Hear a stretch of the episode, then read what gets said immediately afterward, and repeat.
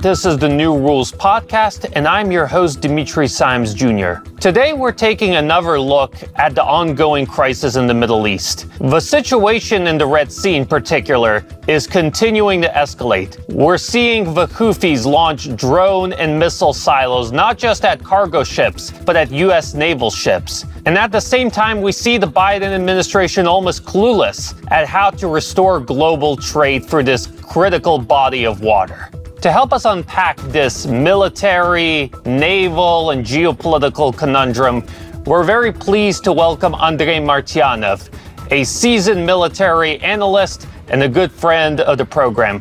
Andrei, thank you so much for joining us today. It is my pleasure, meeting. So, on December 18th, the United States announced that it was launching Operation Prosperity Guardian with the mission to stop Houthi attacks on Western cargo ships in the Red Sea. And at the time, many Western analysts and many others, quite frankly, thought that the United, U.S. Navy would simply crush decisively the Houthis. But it's been nearly a month now, and the Houthis show no sign of backing down. Is it fair to say that Operation Prosperity Guardian is not going according to plan? Yeah, I would say it it is not going according to plan, starting from the title of the operation, which when they named it uh, Prosperity Guardian, it created a lot of Homeric laughter around the world. But uh, no, they're trying to, uh, yeah, it's uh, not going according to plan, unless, of course, the United States wants to get uh, boots on the ground in Yemen. Then, of course, that will not go according to plan even more. But they understand the situation. U.S. Uh, Navy is fairly competent Navy. So, and um, they have to expect continuous attacks on this, or basically strangling of what is called choke point. And this is one of the most important choke points in the world. And Houthis understand that what they have at their hand is control of one of the most important uh, transport arteries. And so far, they haven't been able to unblock it properly. They definitely, as far as I know, there is uh, what uh, Eisenhower uh, uh, carrier battle group in the area there. And uh, not only it is very difficult, but obviously they are now beginning to get involved in the large and uh, air defense operation there. So it's a complex situation, and no, it's not going that well. So you say that it's not going that well, that it's a difficult situation. I want to dig a little bit deeper into that because I think that most of our audience members are a little bit bewildered by the fact that the United States is where it is because the United States has by far the largest defense budget in the world. If I'm not mistaken, the U.S. Navy has the second largest air force in the world. By contrast, Yemen is one of the poorest countries in the world, and it's been ravaged by civil war over the past decade. So how is this possible? Why hasn't the U.S. Navy been able to crush the Houthis so far? Well, because it's very difficult to do it from the air. As far as I know, the uh, uh, air wing of Eisenhower is not engaged uh, at attacking land targets in Yemen. This is what I know. I might be mistaken, so don't quote me on that. But I know so far doesn't seem like they are do the, any kind of bombing runs. Plus, it's very difficult to obtain the uh, appropriate targeting there. And uh, in the end, it's old numbers, you know. So uh, the Escos, for example, such as the uh, Arleigh class uh, destroyers, Arleigh uh, they carry, uh, depending on the flight of the uh, uh, destroyer, between 96 and something like slightly above 100 missiles. Half of those missiles are not tomahawks; they are air defense missiles. And so uh, basically, it becomes the game of numbers. There, because Houthis do not possess the uh, supersonic, forget about hypersonic, uh, anti-shipping missiles, they usually use drones and uh, uh subsonic old uh, uh, cruise missiles, anti-shipping missiles.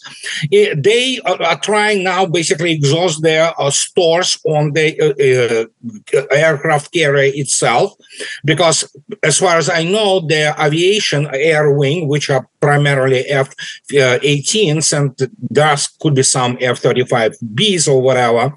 Uh, they are engaged now in the full-blown air defense operation, trying to intercept, and they do intercept most of those drones and subsonic uh, anti-shipping missiles.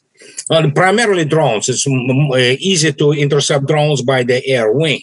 So it's all the uh, game of numbers, and uh, evidently Houthis have enough wherewithal to continue this for some time. So who knows what's going to happen, but it's not an easy situation for any kind of navy. And uh, even if they shoot down pretty much most of what flies, uh, against the shipping there. So eventually they will exhaust the stores, whatever you want to do with it, you know. So they can restore, I mean, basically replenish some stores at the aircraft carrier. You cannot replenish air defense missiles at sea. You need to go to base to the naval base, whatever it is, and there you have to have special equipment to load and unload those missiles from their what is called VLS, vertical launch systems.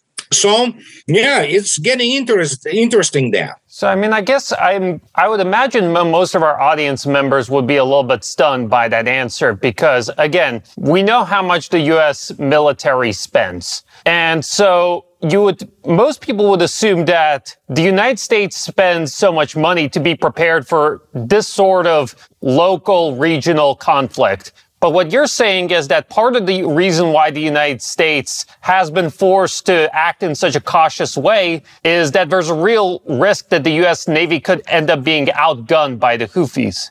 Well, it's not necessarily outgunned, but there's certainly there, you know, like uh, yeah, Dirty Harry Callahan, you know, when talking like, you know, do you feel like a punk when he was talking in the movie if he had one bullet left? So if you have one bullet more than the other, and it doesn't matter what kind of bullet is that, you know, it could be unsophisticated crude, but it's still gonna kill you, not, uh, you know, all the same. So uh, it's um, not outgunning so much as simply exhausting. It is definitely attrition in terms of the air defense assets and how much Houthis have. And again, keep in mind, uh, for example, if you have, let's say, some British, you know, the type class Daring, class air defense destroyers, as they call it, they have some anti, uh, I mean, uh, air defense missiles, and they might have a very good radar. But if you send towards them a bunch of drones eventually gonna run out of missiles. What will be the most insulting in this case, so to speak, will be salt, rubbing salt in the wound, will be the fact that the Houthis probably will be sending five, six thousand dollar drone that which you will have to expend your uh, one and a half, two million dollars uh, air defense missile, if not more, uh, in terms of costs. So it is all about costs here. And again, one of the reasons I think so they approach it so cautiously, obviously trying to maintain some kind of the clear skies over there Bab el Mandeb uh, uh, Strait is the fact that, um, you know, who knows, they might get lucky. I mean, Houthis. And then, God forbids for the United States if they have uh, some destroyer, let alone aircraft carrier, hit by some kind of the explosive device or drone. That uh, will have not just technical issue, uh, you know, problems. It will be a political issue in the United States because United States, basically, it's complete asymmetry. It's asymmetrical warfare from for Houthis. And you know what? Again, if you get lucky, can you imagine damaging 1.5 billion dollars uh, destroyer, for example? By two, I don't know, six, five, maybe fifteen thousand dollar drone. There you go. So it's just it seems so obvious for uh, you know command of the uh, United States Navy that yeah, there is a risk of that. You know, so they have to contend with this risk. It would definitely be symbolic, and not just from a political aspect, but I think in terms of the nature of modern warfare and maybe what the United States got wrong about the nature of modern warfare. Because I know that ever since the Cold War, ever since Operation Desert Storm, the emphasis in the Pentagon has been on advanced technology over quantity. That we don't, the, the idea was that the United States weapons are going to be so much more advanced, so much more sophisticated than those of its adversaries that it can win on high technology alone. But uh, as you point out, this sort of crisis shows that if you have enough of cheap but reasonably effective weapons, you can cause a lot of trouble. Oh, absolutely. Especially if you sit on this choke point, which is one of the most strategic, you know, uh, uh, choke points in the world. Uh, you know, the Strait of Malacca also being the second one, which is of huge import. So there you go. But then again, there is another. You nailed it absolutely, Dmitry. You are absolutely correct. But there is another thing. One of the most shocking revelation for um, people might be the fact that while definitely sophisticated quote unquote weapons they are not necessarily that effective.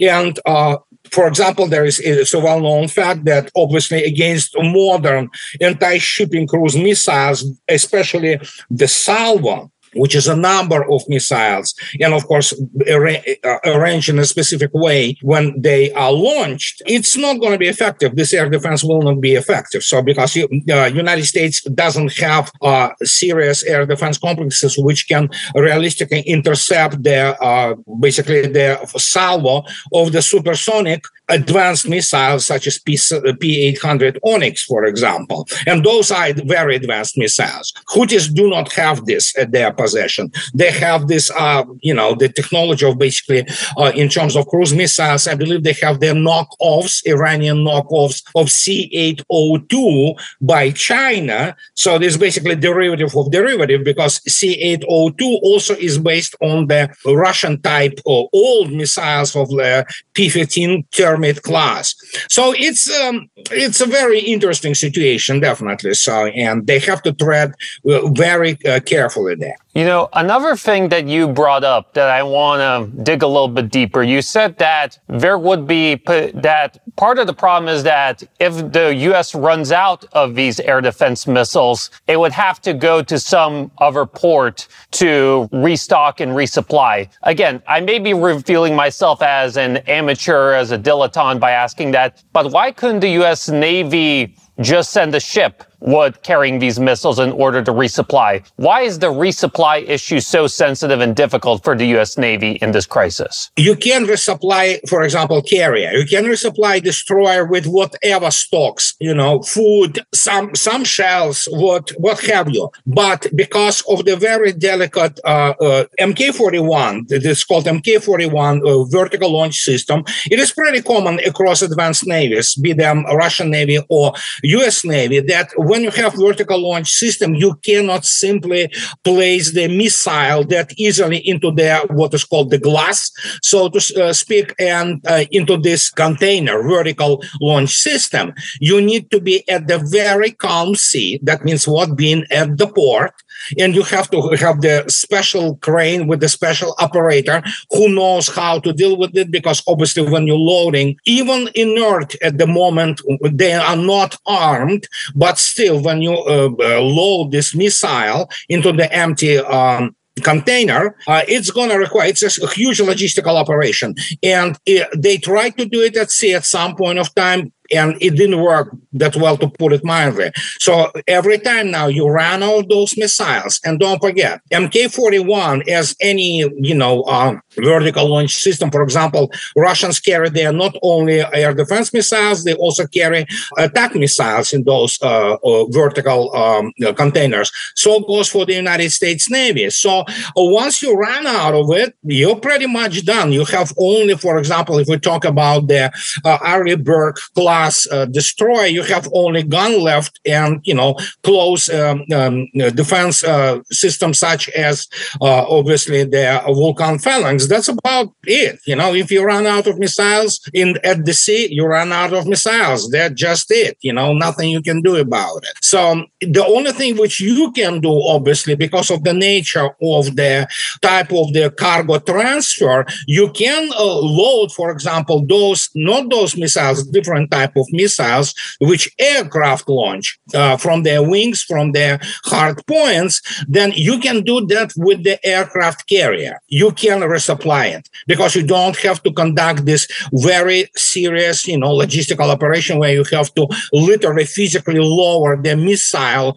into the vertically into this container. So that's the, huge difference, and that is why once uh, aircraft carrier loses the this first line of defense of the escort which are usually two, three uh, uh, destroyers of the Arleigh Burke class, it becomes extremely vulnerable. Even if you have a very good air wing, which can, you know, take off from the deck and look and be vectored towards, for example, those drones, and it can even shoot down, uh, you know, old uh, subsonic uh, cruise missile. But in real war, of course, when you deal with the salvos of the very fast missiles, let alone, God forbid, hypersonic missiles, you just cannot shoot it with whatever you have. So there you go. And you suddenly uh, have the situation, which is logistical situation. And this is very important for any kind of the group, battle group, be them US Navy carrier battle group, be that battle group which Russian Navy will provide.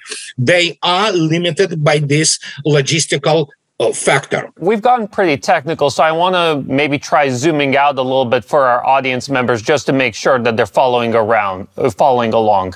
So we have this aircraft, U.S. aircraft carrier near the coast of Yemen, and this aircraft carrier in turn is surrounded by frigates with air defense systems which are meant to protect the ship. And so if the Houthis launch enough of their missiles and their drones, even if all of these uh, drones and missiles are shot down, at some point that ends up presenting a problem where the U.S. frigates defending the aircraft carrier run out of these air defense missiles. So they either have to stay in the area and risk get, getting sunk, or they have to sail away to some friendly port to restock. Is that a correct summary of the overall picture right now? Generally, yes a lot depends, of course, on the type of the, uh, as I already stated, targets which they will be engaging.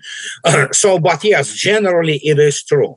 Do not forget, aircraft carrier itself has the short-range evolved Sea Sparrow missiles, which are in containers. They are reloadable. Uh, so but uh, they also can run out of this, albeit obviously stores of the aircraft carrier, modern U.S. nuclear aircraft carrier, are pretty substantial. They can go for for a while on that, but yes, once they're destroyers, they don't have frigates a- anymore, but destroyers ran out of missiles, it's over. They have to, uh, uh you know, basically um, uh, remove themselves from the air, area of operations. You know, Andre, we've discussed the military technical issues, the logistical issues, but I want to look at the question of basic competence. Because ever since the United States launched Operation uh, Prosperity Guardian, it has publicly struggled to coordinate with its allies. And part of the problem is that it's not entirely clear who's in charge of this whole thing. Because as most of our audience members probably know by now, when U.S. Secretary of, of Defense Lloyd Austin was missing in action for several days, no one at the White House even noticed. So I have to ask you, Andrei, who is running this operation? Well, uh, it's a good question because we also have to ask the question who's running the country this is the uh, other issue, which is even larger than uh, uh, the situation with the, this so-called operation. You remember it started with ambitious 10, 10 countries, I believe, including mighty Bahrain, but uh, now it's completely disintegrated and it's primarily United States. They have, I believe, one destroyer from the Royal Navy, you know, United Kingdom, and who knows what else there, but not very much. So it is very simple. The fact that very few people now, very few countries take United States militarily overly serious. And when you look at the, you know, uh, this um, situation with the Houthis controlling now the uh, choke point, then yeah, United States is not prepared militarily, and there is an issue of their reputation now, which was dramatically uh, decreased due to situation, uh, especially in Ukraine. And suddenly it's just like, yeah, whatever they want, whatever those guys want, look at what they did in Iraq and Afghanistan. So, and many people think maybe it's going to end up the same way, you know? So, obviously, there's no doubt that there are many competent people serving in the United States Navy, but there are certain things and conditions which you have to uh, kind of fulfill to have at least some uh, serious tactical or operational success in unlocking this uh, Bab el Mandeb uh, Strait and you know letting the ships through the Suez Canal. But then again, when all the conditions uh, Houthis imposed. They stated, you know, ships going to Israel will be uh, targeted. The others may proceed. So it's it's it's complete mess, honestly. I think what stunned me the most is that three key NATO members who are formally part of the coalition, France, Spain, and Italy, all three of these countries have refused to operate under U.S. naval command. What does that say about the way U.S. allies feel about the Biden administration's military leadership? Uh, obviously, they have very low confidence. I mean, uh, even considering their pretty low level of the European elites, that is to put it mildly. So they don't understand that basically you cannot do anything serious now with the United States because first, you know, United States always has the option say, ah, hell with it, you know, turn around and go uh, go away. So that's one of the factors. And second, you know what? Can you imagine for the country, even if the United States, any kind of the uh, basically allowing what is called the leaker leak from the word leaking, you know, drone missile which is hitting United States ship will be a huge political domestic issue. It will be even bigger domestic issue, for example, for such countries as Spain or France, who operate with the limited uh, naval resources. So they also have to consider that. And of course, they have the, the, main staffs of the Navy. Those people know how to calculate, you know, salvo model. They can know how to calculate probabilities. And after what the performance, especially of the U.S. Uh, uh, equipment in the in Ukraine, especially its air defense systems, they do not want to really risk it that much. That is why they just basically fell off. And uh, it, it is also military technical issue there. And they saw, especially when you look at the performances quote unquote of PAC,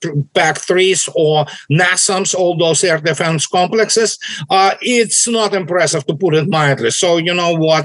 They probably have uh, concluded that basically what they have in terms of air defense is not as good as it's usually advertised. And actually, I think so. This is one of the major factors which influenced their decision. I can't help but return to Lloyd Austin's mystery hospitalization because I just can't wrap my head around the fact that in the midst of several international crises, the U.S. Secretary of Defense is hospitalized due to a cancer operation that apparently had some complications. And somehow the Biden White House was, you know, totally fine, didn't even notice it. Things were going as planned as usual. The only explanation that I can think of is that if this is indeed the case, this suggests that instead of having military professionals direct Operation Prosperity Guardian. You have people in the White House, you know, White House bureaucrats, people in the National Security Council managing it. Yes, uh, you're absolutely correct. First, we can uh, also uh,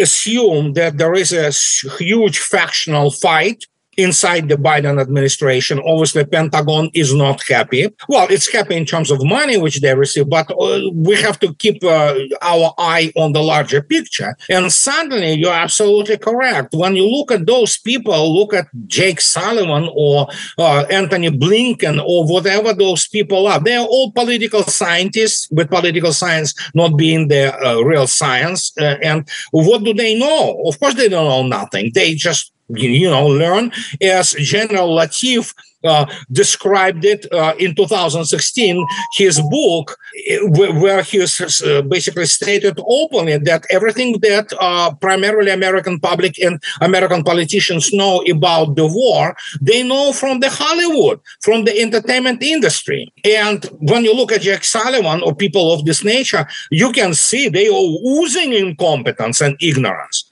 These people live in their bubble, you know, so, and this bubble is not penetrated by real professionals. And um, well, Lloyd Austin, obviously, God bless his soul. I hope so. He recovers. You know, I understand that he uh, had the you know they removed all the prostate which is horrendously complicated operation for the patient. So uh, uh, i mean you look at this this is complete loss of the governance in the united states government you know in the biden administration. And the fact that they haven't uh, haven't been informed about that is just mind boggling this is just simply out of the third world something, you know. So then, yeah, this is what we have a complete collapse of the American expertise in anything. And yeah, when you have do those good old boys from the Ivy League who know nothing about anything, so and they try to run military operation, what you get? You get obviously first you have the very, very um, how to put it in a damaged system of the you know operational strategic planning because they don't know how to do it. You have a very very corrupt issue of the uh, acquisition and procurement in pentagon. And then you have those political scientists who run the uh, you know operation which even compl- uh, complex for the professionals and as a result, you see this complete manifestation of the uh, ignorance and incompetence, which is absolutely wowzer. Believe me, the world outside is just absolutely in shock of what they are observing now. I want to remind our audience members that you are watching and listening to the New Rules podcast. I'm your host, Dimitri Simes Jr., and our guest today is Andrei Martyanov. And I mean, clearly things are not going well for Biden, but he has to resolve this crisis somehow because otherwise it will seriously damage U.S. military credibility and it will lead to a surge in inflation during an election year. So how can Biden solve his quote unquote Houthi problem? I don't think so he can because American military uh, reputations have been damaged actually irrevocably already a few years back. And then, of course, when you remember what happened in Afghanistan, many people do not understand. Those pictures in, from Afghanistan, they are more dramatic and more profoundly bad for the United States than, for example, even the famous, uh, you know, shots of the helicopters taking people from the, the roof of the embassy in Saigon in 1975. And because at that time united states haven't been already militarily big time in uh, vietnam this is completely different and now you have the situation of the total humiliation of the Western,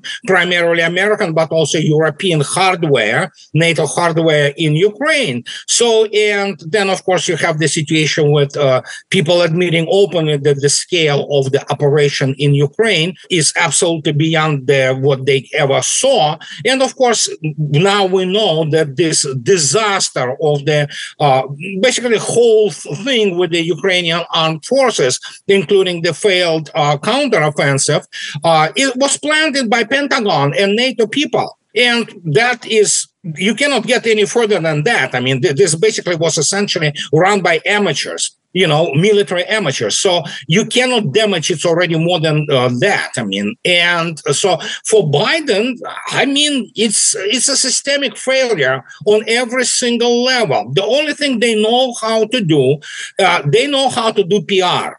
But even PR and narratives do not work anymore. They do not work internationally anymore because it is over for the United States and the uh, petrodollar and, you know, what is called Valery Giscard d'Estaing stated exorbitant uh, uh, privilege of the United States. But now how they're going to handle it internally, um, I don't know. You know, it's just uh, you have to be a really competent and honest man. Talk to nation. What you hear from those people is just you know those uh, you know tropes and narratives which are deadbeat, and most of the Americans are sick and tired of listening to the same old, same old. So there you go. I don't think so. They can unless of course they go to some extreme and you know declare the whatever you know some emergency in the country and things of this nature i get you know your point about the fact that the biden administration is no stranger to humiliation but i do think that failing to beat the Houthis would be a new reputational low because yes, Afghanistan was humiliating, but ordinary Americans didn't experience a surge in grocery prices as a result of this humiliation.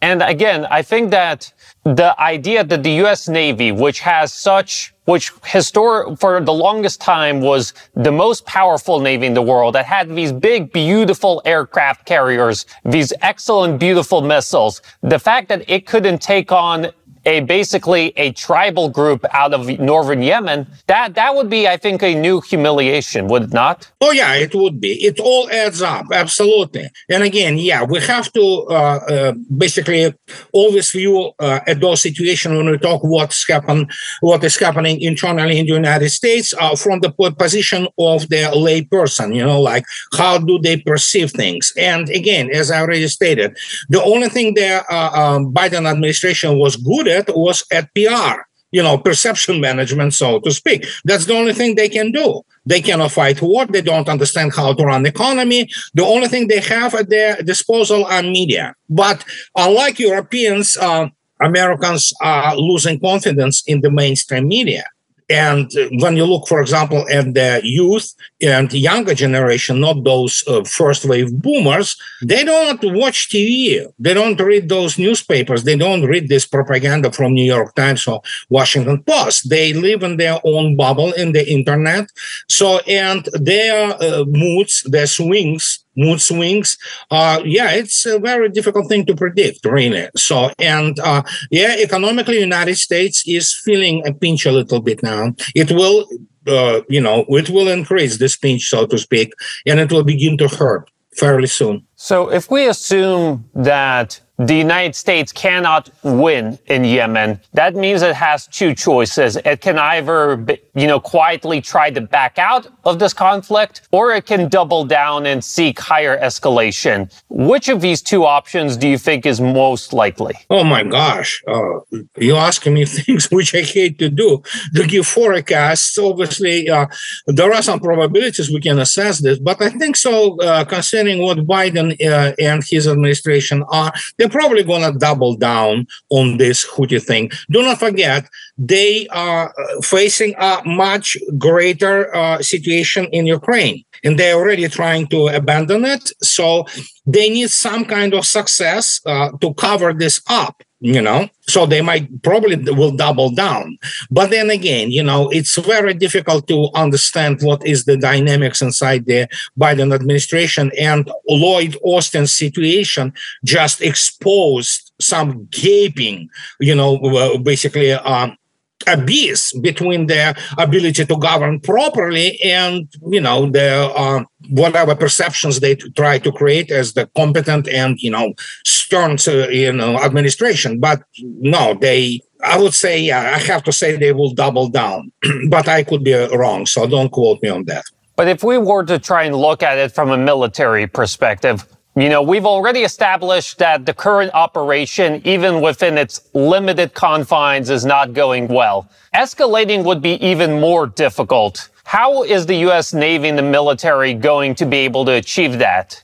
Oh, they have the option, uh, which will be easy. They move their uh, couple of carrier battle groups away from the shore and start uh, basically running those, you know, uh, bombing runs and start bombing and shooting at whatever they will find in northern Yemen. And uh, as a result, obviously, it will create another outcry, outcry, and this might uh, work not so well. But at least they will have, uh, they could say that, ah, you see, we didn't lose anybody. They will declare the victory and leave. You know, they have this option, obviously. Uh, putting the boots on the ground there, uh, that is very problematic, obviously. Biden doesn't need coffins, you know, uh, coming uh, into the United States covered in the, uh, you know, stars and stripes. And uh, that could be pretty damaging for to already basically shaky administration. You know, what does bombing campaign, if Biden, you know, is to go forth with it, would it in any military sense be effective in limiting the ability of the Houthis to continue blockading the Red Sea, or would this be more, again, as you say, a PR action? It might achieve some objectives. For example, reducing let's put it this way the impact of Houthis possible. I don't know. Obviously, I don't have numbers. I don't have the uh, insight, so to speak. But yeah, it's possible. And then declare victory and leave. That's pretty much what the United States usually does. And uh, other than that, yeah, I don't see anything how else it could be achieved other than putting the boots on the ground. But that will be the new quagmire. And what can I say? It's it's pretty bad situation for the United States and for Biden administration. I guess you know other navies, the Russian Navy, the Iranian Navy, are w- watching this whole crisis very closely.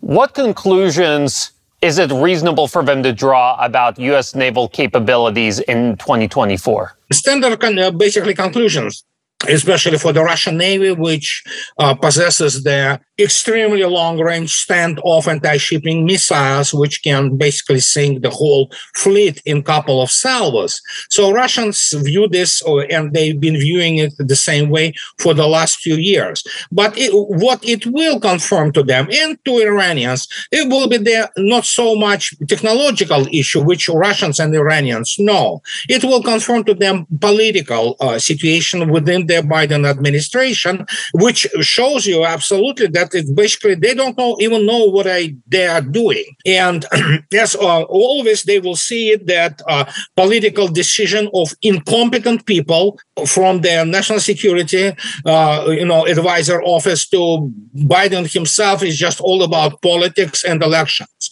That's it and it makes very little uh, military sense the way it is being uh, uh, persecuted, prosecuted this whole operation. So, I mean, it's pretty much standard view. Russians know what to expect from the United States. That is why Russian armed forces underwent a dramatic uh, technological overhaul in the uh, mid 2010s. So it's all designed to basically um, mitigate completely any kind of the uh, serious uh, striking uh, abilities of the United States Navy.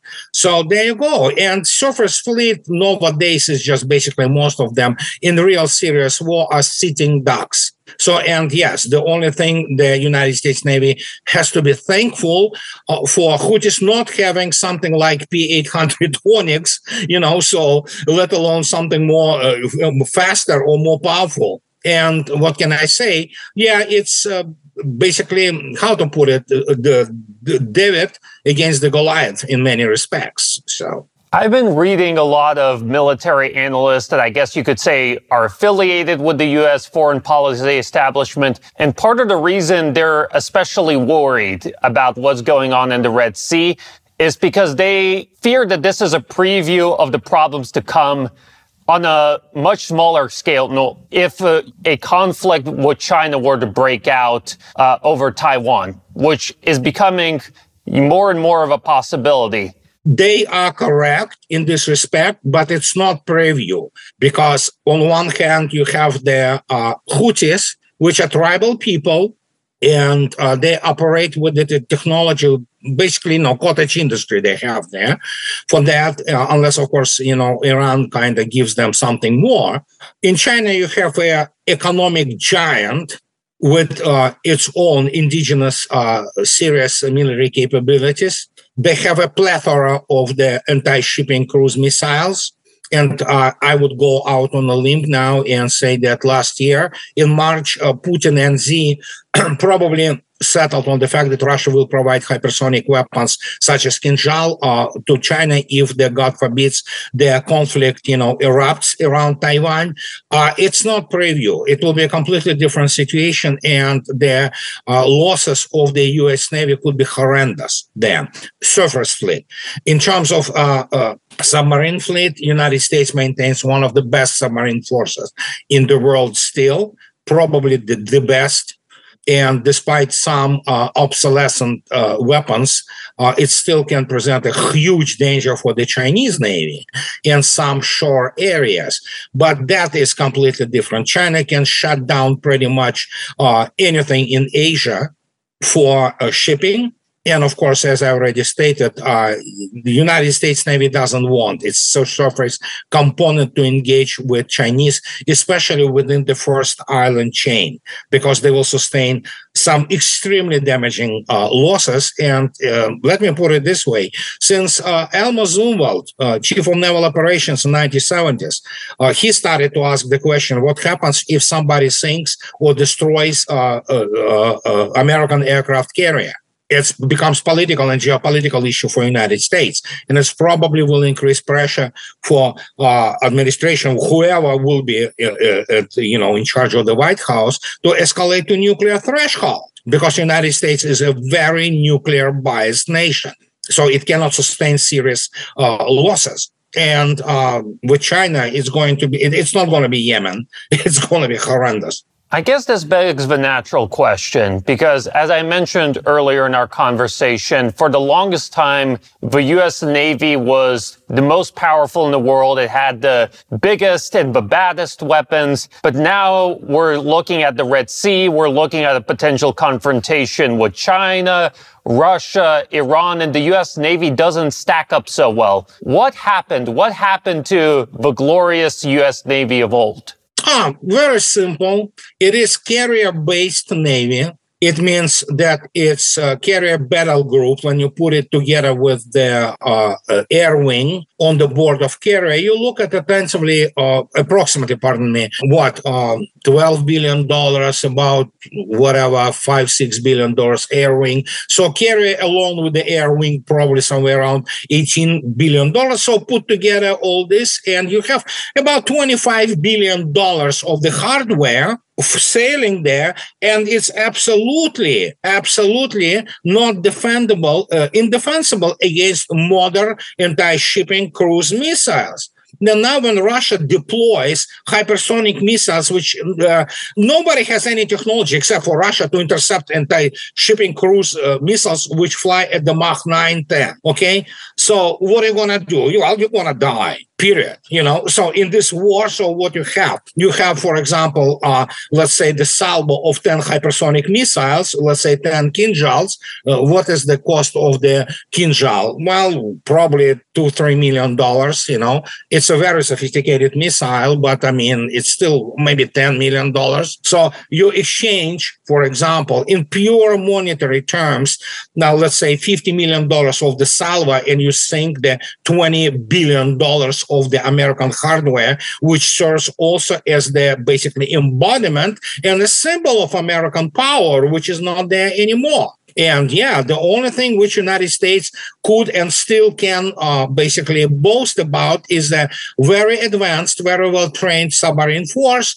But in terms of the surface fleet, it's over pretty much. You know, in peer to peer confrontation, yeah, it's going to be horrendous. So, and that's it. You know, just asymmetric uh, warfare. What would it take to restore the U.S. Navy to its former glory. Is it realistic under the current political conditions? No, no, it's not realistic even under the current uh, American R&D structure with all those, you know, institutes and DARPA and all them working out all those technologies, United States uh, fell behind in the missile race and in generally arms race, not just by years, by generations. I write about it for 10 years, really, and wrote three books about it, write the fourth one.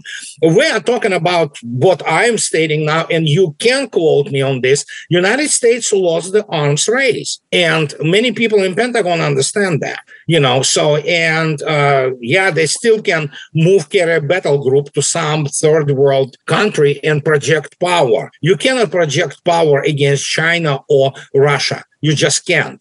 And you it's becoming increasingly troublesome to try to project power against iran which has indigenous, very developed a cruise missile and anti-shipping ballistic missile program on its own. So there you go. Suddenly you have the situation, and you know Russians have a very good uh, satellite constellation and other means which allow to provide an extremely accurate targeting. So there you go. What are you gonna do? You basically become obsolete. And that's what happened because they wanted to build all those things, which is known as the trade union. This is how uh, Elmo Zumwalt uh, characterized it. He identified it as the uh, aviators uh, uh, trade union within the United States Navy, which wanted their aircraft carriers. There are many billets, there are many promotions to the admiral ranks through all that, but they didn't recognize that they were losing. And now they lost it and there you go. You have those beautiful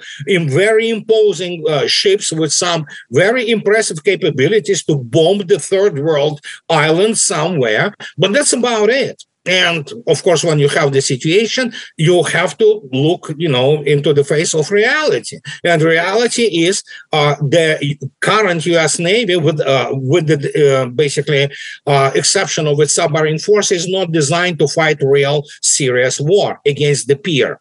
That's simple as that. You mentioned that the United States would have a tough time even facing off against Iranian missiles. But that doesn't mean that the Biden administration and the other hawks in Washington don't want to try.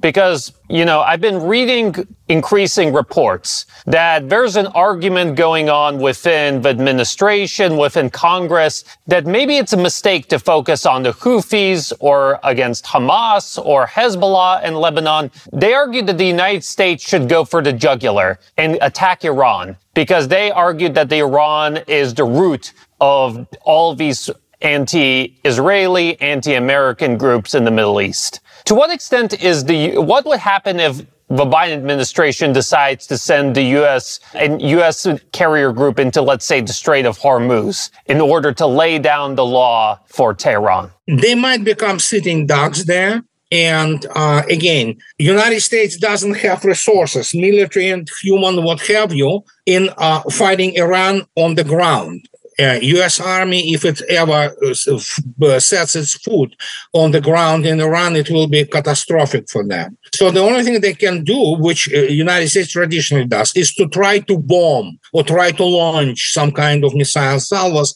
against uh, Iran. But in this particular case, what you will have to do, you'll have to use the submarine force which carries those Tomahawk missiles. Of course, they will can try to do it using their uh, carrier-borne aviation. But that's about it, you know. And we have to keep in mind, obviously, the AIPAC, the crowd, neocons, they have basically held hold the U.S. foreign policy and military strategy hostage. So who knows? They might try. I don't think so. It's going to end well for them. I want to remind our audience members that you watched and listened to the New Rules podcast. I'm your host, Dimitri Simes Jr., and our guest today was Andrei Martyanov. Andrei, where can our audience members go to keep up with your work? I have uh, pretty much standard blog at smoothiex12 and blogspot.com, and I have my channel obviously on YouTube, which is also called Smoothie X12. so yeah, that's pretty much it. And if you want to keep up with our work, the very first thing you should do is like this video, repost it, and make sure to follow us on Rumble and X. It really helps get the word out about our program. So if you do that, we will be really, really grateful to you. Thank you all for tuning in. Till next time.